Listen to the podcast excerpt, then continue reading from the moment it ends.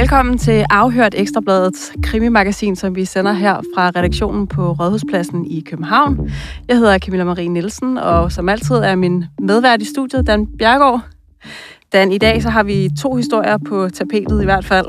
Og øh, den ene historie handler om en, øh, et dobbeltdrab i bandemiljøet. En sag fra 2020, hvor at to personer blev slået ihjel på parkeringspladsen foran menu i Kalundborg. Og derudover så skal vi høre om sovnepræsten Thomas Gotthardt, en person, vi har beskrevet øh, rimelig vidt og bredt i podcasten Præsten fra Helvede. Men nu er der altså nyt i, i den sag, og derfor så har vi dig, Christina Jensjøl, med i studiet. Velkommen til. Tak. Du er i studiet i dag, fordi du skal fortælle om den seneste udvikling i øh, sagen om drabet på Maria From Jacobsen. Maria From Jacobsen, hun var jo gift med den her sovnepræst Thomas Gotthardt, og blev slået ihjel i oktober 2020 af sin mand, som også senere tilstod drabet og altså blev dømt øh, ved en tilståelsessag i august sidste år. Men det er jo sådan, at det er en sag, som du har fulgt meget tæt. Det har du gjort med din kollega Mette Pedersen. Jeg har også været med til at lave den her podcast, hvis man vil høre Præsten fra Helvede, hvor vi altså går i dybden i den her drabsag. Men nu er der sket en udvikling. Det er jo en sag, I ikke rigtig har kunne slippe, og der er faktisk øh, nyt i, i den sag. Hvad er det, vi kan fortælle her på Ekstrabladet i dag? Ja, Camilla, som du selv var inde på, så blev øh, Thomas Gotthardt jo idømt øh, 15 års fængsel for øh, manddrab og for at have øh, for det, der hedder usømmelig behandling af lig, fordi han forsøgte at skille sig af med sin hustrus jordiske rester. Øhm, derudover så blev han også frakendt retten til at arve hende, altså at arve alt, øh, hvad hun efterlod sig. Øhm. Det er meget normalt i sådan nogle drabsager, når man har slået sin øh, partner eller kone ihjel, så det skal altså ikke kunne betale sig. Nej, og det var, øh, det var anklageren så også inde på dengang, hvor der blev rejst tiltale. Det skal ikke kunne lønne sig at slå sin ægtefælle ihjel, eller forbrydelser skal ikke kunne betale sig. Øh, ikke desto mindre, så er vi så blevet bekendt med, at øh, Thomas Gotthardt, han har fået sat et øh, større beløb ind på sin konto, og der er tale om et beløb på 105.000 kroner, og det er øh, hans afdøde hustrus øh, hvad hedder det, ATP-pension. Det er, øh, det er sådan noget, vi alle sammen får. Men øh, det var ikke meningen, øh, øh, i hvert fald ikke ifølge dommen, at øh, de her penge skulle tilfalde Thomas Gotthardt. Hvornår er det, han har fået de her penge udbetalt? Ja, det er sket øh, 7. juli sidste år, og øh, det, øh, det er så faktisk efter, at han har tilstået drabet på sin kone. Det gjorde han i begyndelsen af juni, og så 7. juli, så kommer de her penge så ind på kontoen, og så først 3. august, der bliver han så dømt for den her forbrydelse. Men altså, det er jo så nogle penge, som han i hvert fald ikke har ret til ifølge dommen. Dommen den falder jo så måneden efter i, i august, altså en måned efter, han har fået den her udbetaling. Øh, hvem, hvem, hvem øh, tilfalder de penge så? Altså hvem står i så fald og, og mangler dem? Altså man kan sige, at øh, i og med, at han øh, er blevet frakendt retten til at arve, så øh, er det jo øh, nogle andre, der skal arve pengene, og det er øh, parets to fælles børn, som er mindreårige. Og øh, ja, altså ved man noget om, hvorfor de her penge er gået ind? Altså, er det noget, der sker automatisk, eller øh, er det en, en fejl, eller altså, hvordan er det sket? Det er jo faktisk en øh, så ny sag, så vi ikke har fået øh, gravet det hele ud endnu.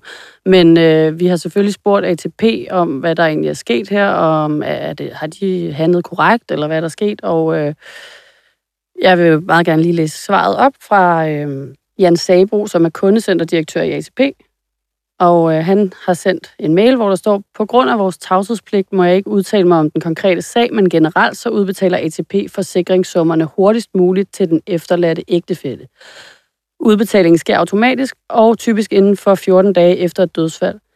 Selv om jeg af hensyn til vores tavshedspligt ikke må forholde mig til den konkrete sag, må jeg erkende, at vi ikke har været i stand til at tage tilstrækkelige særlige hensyn.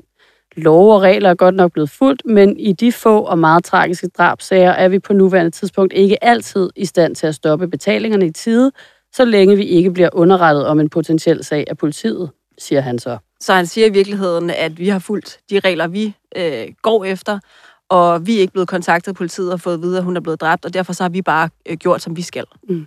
Ja, det er det, det, jeg læser ud af det. Vi har selvfølgelig øh, forsøgt at få nogle øh, supplerende oplysninger, øh, af ATP, men øh, det er altså ikke sket endnu. Til gengæld så har vi øh, talt med nogle retsordfører i Folketinget, som øh, finder det her fuldstændig grotesk og vanvittigt. Det er blandt andet Peter Skåb, som allerede nu har meddelt, at han vil stille spørgsmål til justitsminister Nick Hækkerup i forhold til, om det her er sædvanlig sæd, hvad hedder det, almindelig praksis, fordi så er det noget, han i hvert fald vil kræve bliver lavet om, fordi det er meget krænkende over for retsfølelsen, ifølge Peter Skåb.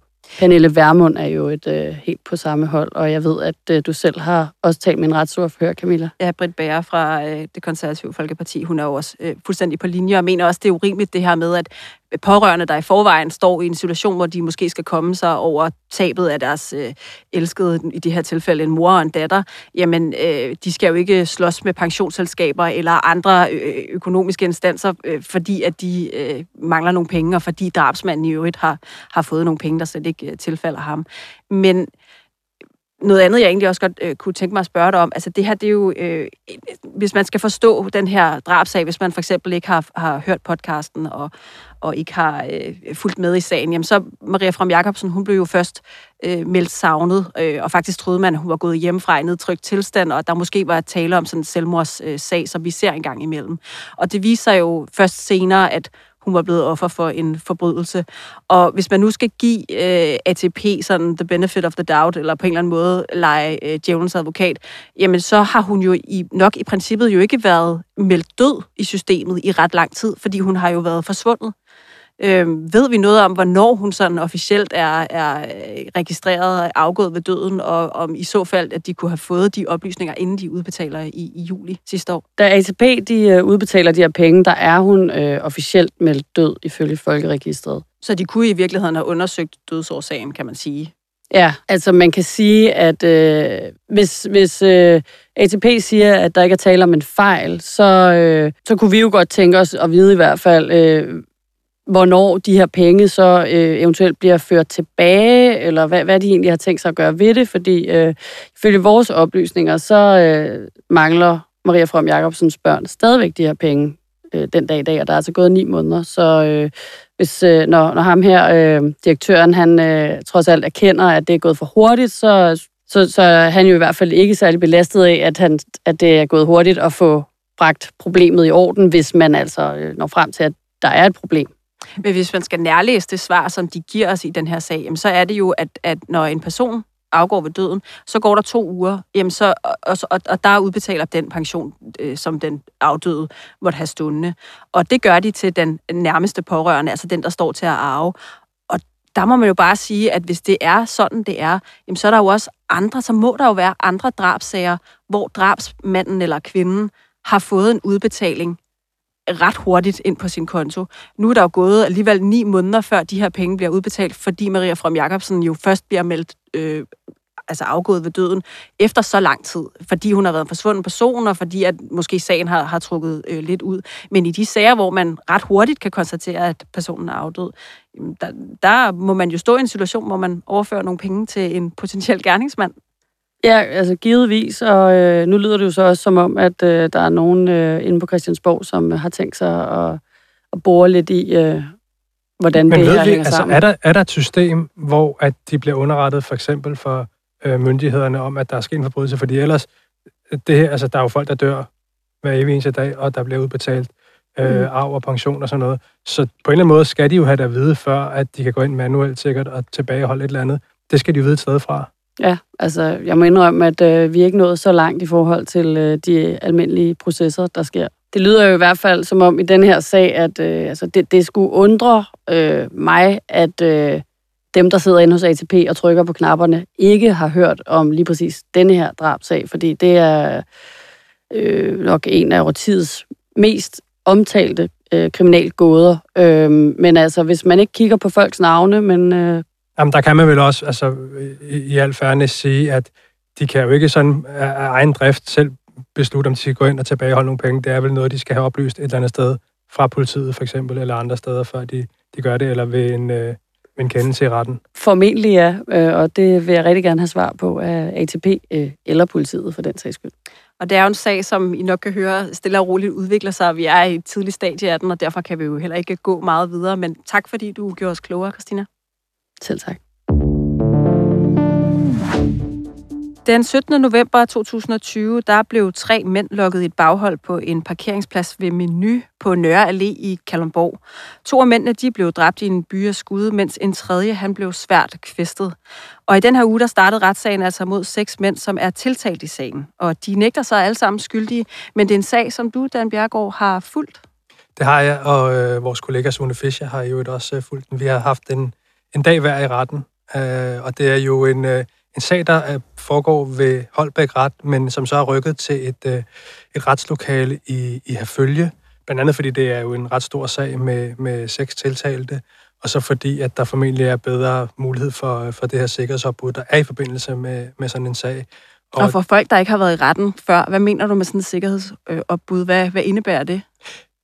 Da, da jeg kom øh, torsdag morgen og skulle øh, ind i, i retslokalet, der det er jo normalt, at vi går igennem en, en metaldetektor eller, øh, eller andet, og lige får, øh, får kigget vores øh, ting igennem. Men her, der blev vi altså også øh, personvisiteret, altså vi fik øh, klappet øh, lommer og, øh, og set, om vi havde noget med ind i, i retten, vi ikke skulle have. Altså, så, så det var et, øh, et større sikkerhedsopbud, og det var i særdeleshed fordi, at øh, der var et helt centralt vidne, der skulle afhøres øh, torsdag morgen.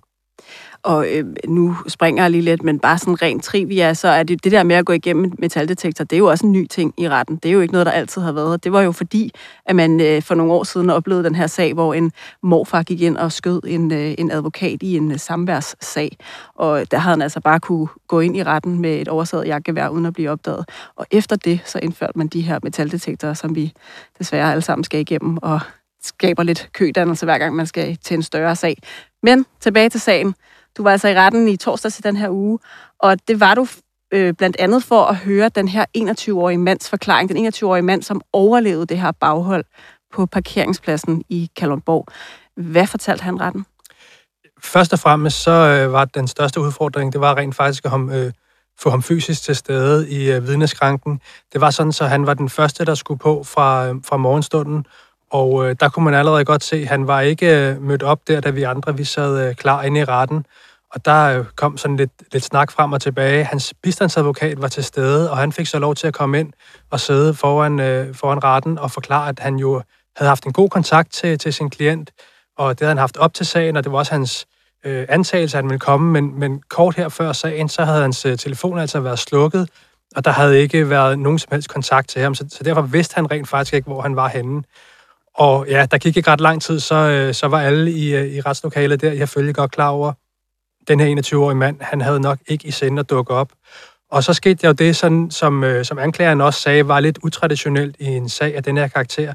Det var, at hun anmodede om en anholdelsesbegæring på ham, altså at politiet skulle tage ud og anholde det her øh, vidne. Men må jeg lige sige noget? Altså, det kan godt være, at anklageren synes, det var lidt utraditionelt, men, men det her er jo foregået i et bandemiljø, og det er jo rimelig normalt, at de her mennesker ikke gider at samarbejde med det, vi andre øh, normalt vil samarbejde med, altså alt, hvad der hedder myndigheder. Man taler ikke med politiet, man møder ikke op i retten og, og fortæller, hvad man ved. Så hvorfor var det så usædvanligt for anklageren her? Jamen, som du selv siger, vi, vi har jo set det flere gange før, at man, man ikke ønsker at medvirke og ikke ønsker at vide det, men, men anklageren må altså have haft en eller anden formodning om, at han ville dukke op, og det havde bistandsadvokaten jo altså også. Men, men altså, der var sgu ikke ret meget til, at øh, dommeren han, øh, han afsagde med det samme sådan en, øh, en, en kendelse om, at han skulle anholde sig, som man også sagde, jamen den, øh, den håber jeg bliver eksekveret med det samme. Og det vil altså sige, at øh, ja, øh, politiet faktisk kørte direkte ud på hans, øh, på hans adresse for at, at lede efter ham. Fandt de ham så? Der gik 30 minutter, og så kunne øh, anklageren så sige, at nu havde politiet været hjemme hos ham og hentet ham, og nu var han altså øh, formelt set anholdt og ville blive, øh, blive bragt til retten. Og så, ja, så var der så nogle, nogle andre vidner, der blev, blev afhørt i, i, i sagen først, indtil at vi en gang efter frokost kunne, kunne høre den her 21-årige mands forklaring. Og altså, den her 21-årige mand, det er jo hans kammerater, som har mistet livet i den her sag, og altså for for os, der måske befinder os på den ene side af, af loven, den, den rigtige, siger jeg i, i citationstegn, men også der i hvert fald respekterer loven og lever efter den så godt, som vi nu kan. Jeg går over for et nogle gange, men, men øh, for os almindelige mennesker, der vil vi jo nok gerne gå ind og fortælle, hvad vi havde oplevet i forbindelse med, at vi havde mistet to rigtig gode kammerater, og jo ikke selv var blevet skudt på. Men hvad med den her 21-årige mand? Havde han lyst til at fortælle, hvad han havde oplevet den aften? Han var ikke øh, super snaksagelig, men, men der er faktisk en, en anden lille sjov detalje, og det er, at øh, i de her sager, så ser vi jo også tit, som du siger, i bandemiljøet, at der er nogle vidner, når de skal ind og afgive forklaring, så vil de gerne have, at de tiltalte bliver ført ud af retslokalet og så ned i et lytterum, hvor de kan øh, sidde og høre efter. Altså fordi man ikke, man vil ikke konfronteres med de her øh, tiltalte. Og, øh, og faktisk tidligere på dagen var der to, hvad skal man sige, sådan lidt mere almindelige vidner, øh, to kvinder, der skulle ind og afgive deres forklaring om, øh, de har set nogle mistænkelige køretøjer, nogle af dem, som politiet mener er blevet brugt i forbindelse med det attentat. Og, øh, og de anmodede netop om det her, altså at de tiltalte skulle føres ud af retten, mens de skulle afgive forklaring. Og, øh, og, og retsformanden, han, han sagde faktisk til, til bistandsadvokaten, inden den her 21-årige kom ind, er der nogen særlige begæringer, i, øh, før øh, vidnet skal ind og afgive forklaring? Jeg forstod det som, at han fiskede efter, skal vi have ført de tiltalte ud. Og der sagde bistandsadvokaten altså øh, meget klart, øh, nej, det, det, har jeg, det har jeg spurgt om, og det, det er han meget opsat på, at de skal ikke føres ud af, af retslokalet. Altså, så det var også en mand, der øh, ikke havde noget problem med at komme ind i retten og, og sætte sig foran de her øh, mænd, som er tiltalt for drabsforsøg på ham, og så ja, et drab på, øh, på to andre. Og det var jo ret voldsomt. Han blev ramt øh, fire gange ved det her øh, skudattentat, eller øh, baghold, som, som anklageren vist også har kaldt det. Hvad fortalte han så om den aften på parkeringspladsen i, i Kalundborg? Ja, det var så der, hvor øh, hukommelsen øh, fuldstændig øh, glippede, og øh, alle de spørgsmål, som anklageren havde, de blev besvaret med, det husker jeg ikke, eller det kan jeg ikke huske. Det eneste, han faktisk øh, lige startede med at sige, det var, at øh, jamen, det er rigtigt, at en af de her to, der blev dræbt, det var en af hans barndomsvenner, som han havde kendt hele livet. Men derudover, jamen, så kunne han intet som helst huske. Og bistandsadvokaten, han brød flere gange ind og sagde, øh, jamen, han har faktisk noget øh, hukommelsesbesvær og tab af erindring i forbindelse med det, der er sket. Det har været meget traumatiserende for ham. Han går til psykolog og forskellige andre ting. Men, men han kunne simpelthen ikke svare på noget. Jeg vil så sige, hans attitude øh, bare heller ikke præg af, at han sådan havde en særlig stor velvilje over for, for anklageren eller over for retten. Altså han virkede ikke samarbejdsvillig? Det er jo en, det, det er jo en fuldstændig øh, subjektiv øh, ja. opfattelse af, af, for mig, men, men nej, det vil jeg sige, at øh, han, han virkede heller ikke som om, han på nogen måde forsøgte at, øh, øh, at komme de her ting nærmere. En af tingene, til sidst var vi helt ude i, at, at anklageren spurgte, hvad var det første, du huskede efter skyderiet? Og så siger han, jamen det var, jeg vågnede op på hospitalet. Og så spørger hun, jamen hvad var det så, det, øh, hvad var det, hvad var det første, du, du husker altså fra dagen på skyderiet? Og så siger han, jamen det var, jeg vågnede op derhjemme. Alt det imellem kan jeg slet ikke huske. Okay, så der er fuldstændig sort. Fuldstændig øh, øh, blankt. Og det, som, som anklageren jo så også var inde at sige, det, øh, da hun begyndte at sådan gå lidt mere til ham, øh, så sagde hun jo også det jamen, det er jo ikke hver dag, man bliver skudt på, så man vil måske kunne huske noget. Og så kom hun faktisk også frem til, hvorfor det var. Fordi man kan jo godt tænke, når man sidder der i retten, jamen, men, men altså, her sidder der et, øh, et, et skudoffer, han har været udsat for øh, en af de, øh, de mest øh, alvorlige forbrydelser. Altså, ja, det er jo ikke svært øh, at, at tro, at det måske er så traumatiserende, at man ikke kan huske noget. Lige præcis. Men, men der fik vi så et indblik i, hvorfor anklageren måske har en formodning om, at han godt kan huske noget. Det er fordi, han faktisk tidligere er blevet afhørt af politiet, og der har han kunne huske nogle ting, og der har han forklaret nogle ting. Og det valgte anklageren så at, øh, at dokumentere en af de her afhøringsrapporter, politiet har foretaget af ham. Og der fortæller han, at de er på øh, den her parkeringsplads. De er øh, tre mænd, og de står og, øh, og ryger nogle smøger. Og så lige pludselig, så er der øh, en af de, øh, de to andre, der råber, hallo. Og så siger han, jamen altså, efter øh, kammeraten har råbt hallo, jamen så eksploderer det i, i sådan et stort øh, kaos, øh, og der bliver øh, skudt vildt omkring ham. Og øh, det han jo så ser, det er, at en af de her øh, to andre fyre, at der er en gerningsmand, der løber over og skyder ham i hovedet og i munden. Og, øh, ham altså ren likvidering, faktisk. Ja, det er, altså det, det er, hvad man må betegne som en, en, en, en ren likvidering. Og øh, han forsøger selv at kravle væk fra stedet. Han er ramt af skud, men der er en, øh, en gerningsmand, der, der, øh, der jagter ham og skyder ham i, i ryggen, og han bliver også ramt af skud i, i arme og ben. Og så siger, har han så sagt på det her tidspunkt til politiet, at, at efter det, jamen, så husker han kun ting i, i glemt. Øh, og det er blandt andet, at han ser en af de andre med et, øh, et skudhul i hovedet, mens han hoster blod op. Og så, som han så sagde til politiet, det var ikke normalt. Altså, Øh, det, det siger jo næsten sig selv, men, men, men det er simpelthen, hvad han har forklaret til, til politiet på, på, på det tidspunkt. Så meget grafiske øh, altså detaljer og noget, hvor han, det har tydeligvis været friskt i hukommelsen, i hvert fald dengang han, han taler med, med politiet. Kunne han så vedstå sig den, øh, den forklaring i retten? Det, det kunne han heller ikke huske, og, øh, og det var, som, som jeg sagde øh, indledningsvis, det var sådan hans standardreplik, at det kunne han ikke huske. Og, øh, i, igen, der kunne man også godt høre, at øh, altså, anklageren, hun havde jo selvfølgelig noget, øh, noget rapportmateriale, og, og det dokumenterer hun så også fra, at han på et tidspunkt så faktisk har sagt til politiet, øh, nu vil jeg ikke tale med jer mere. Øh, han har lukket ned for kommunikationen. Øh, præcis, ja. og, ja. Og, og, og det betyder jo så også, altså det er jo måske derfor, anklageren jo synes, det er mærkeligt, at du kan huske noget på et tidspunkt. Nu sidder du inde i retten og, og kan ikke huske det. Selvom du er udsat for en, en alvorlig forbrydelse, så, så kunne man jo godt sige, hvordan kan det hænge sammen? Men altså, bistandsadvokaten øh, gjorde øh, sit arbejde til, til UG, altså han brød ind flere gange, og han sagde også, jamen altså, du kan stille spørgsmål herfra, og så kan vi sidde her hele eftermiddagen, men hvis ikke der kommer noget, og hvis der ikke der er noget rendring, så kommer der ikke noget. Uh, så så uh, ja.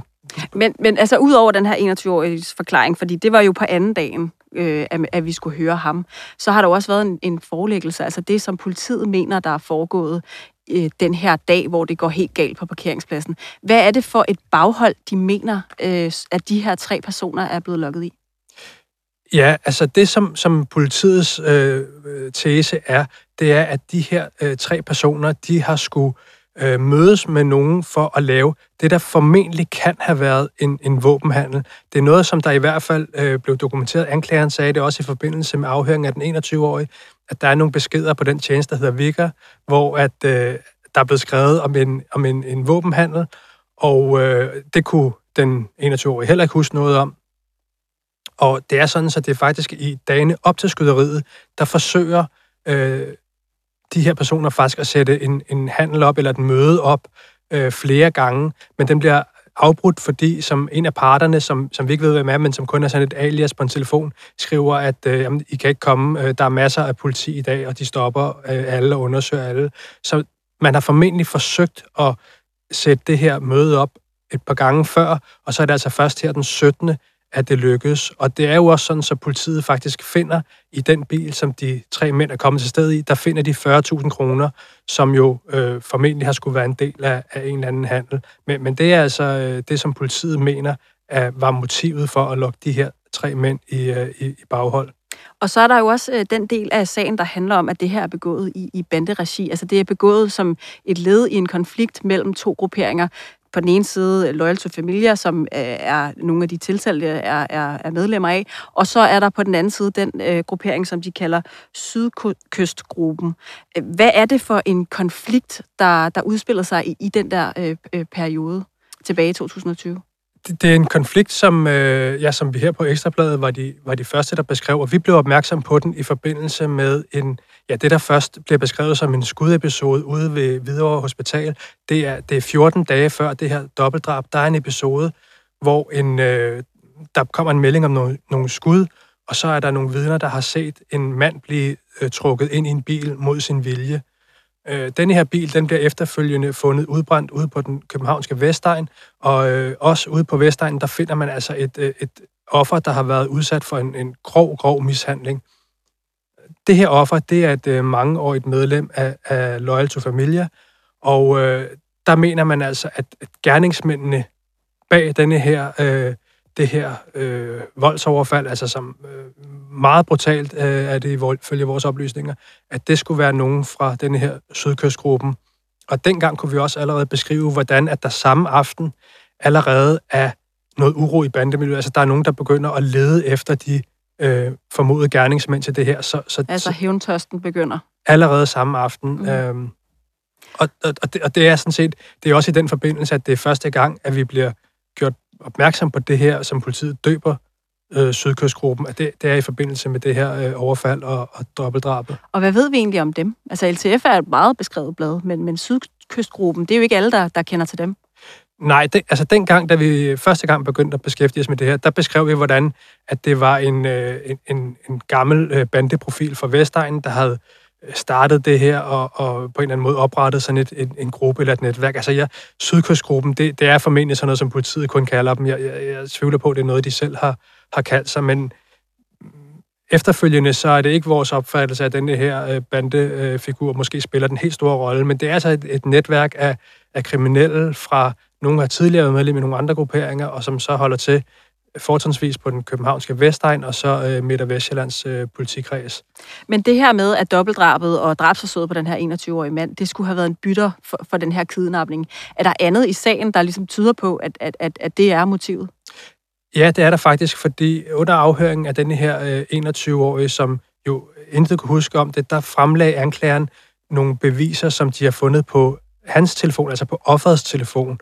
Og der kan man se, at øh, han har faktisk øh, været inde og google denne her sag, som, som vi skrev på Ekstrabladet, altså øh, LTF'er kidnappet. Og øh, så har han jo også øh, klikket på et øh, link fra BT, som har skrevet om, om den der episode ude ved Hvidovre Hospital. Og det spurgte anklageren selvfølgelig også, hvorfor var du inde og kigge på de her ting? Og det sagde han, det, det kunne han heller ikke huske, det var bare noget, han havde klikket på. Øh, så var der en anden sjov detalje med det her, de har fundet på hans telefon. Det var, at øh, han faktisk har haft øh, fotos af to LTF'er på sin telefon. Altså det ene er sådan et, et billede af en LTF'er, der poserer med, med ryggen bare, og så har han det her store Loyal to Familia-logo på, på ryggen. Og det kan man sige, det er jo sådan et, øh, et, et billede, der formentlig har floreret på, på sociale medier, men det har han altså haft gemt på sin telefon.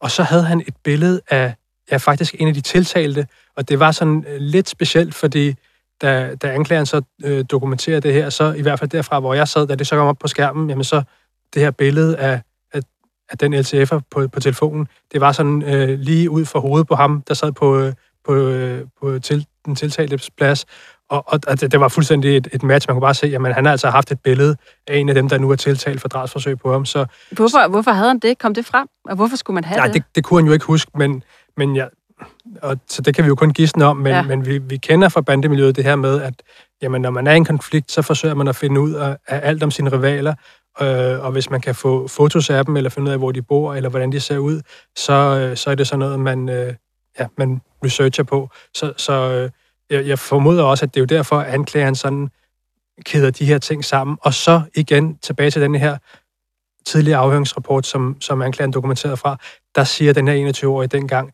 jamen det her, det var en, det han selv kalder en, en bytter for kidnapningen. Så han har i hvert fald selv sagt det til politiet på et tidspunkt. Men altså, det vil han ikke vedstå sig i, øh, i retten torsdag. Og Det er jo altså en sag, hvor at seks personer nu ser, sidder tiltalt, øh, og så er der faktisk yderligere tre andre, der er sigtet, og så i dag øh, fremstiller Midt- og Vestjyllands politi faktisk en, en tiende person. Og det er noget, som, øh, som politiet har sagt til os, at det er helt historisk, at man har anholdt 10 personer i den samme øh, drabsag. Og det er endnu et ledende LTF-medlem, som man altså mener på en eller anden måde har spillet en rolle i, i det her dobbeltdrab og, og drabsforsøget på den 21-årige. Men de seks personer, der sidder tiltalt i den sag, som foregår øh, i de her dage, hvad ved vi egentlig om, om dem?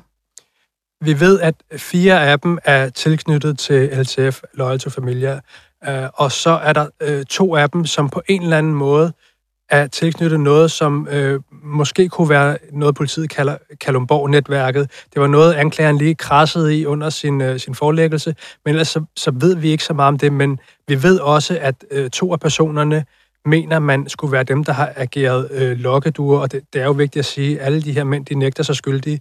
Men, men det er i hvert fald politiets tese, det er, at der er to, der på en eller anden måde har været lokkeduer og sat denne her øh, fungerede handel op, og så er der altså de her fire øh, LTF'er, som politiet mener på en eller anden måde har spillet en, øh, en rolle i drabet. Vi, vi kender ikke sådan, det er ikke noget med, at politiet siger, så var A, B og C, de, det var dem, ham, der trykkede på aftrækkerne, det var ham, der kørte flugtbilen osv. osv.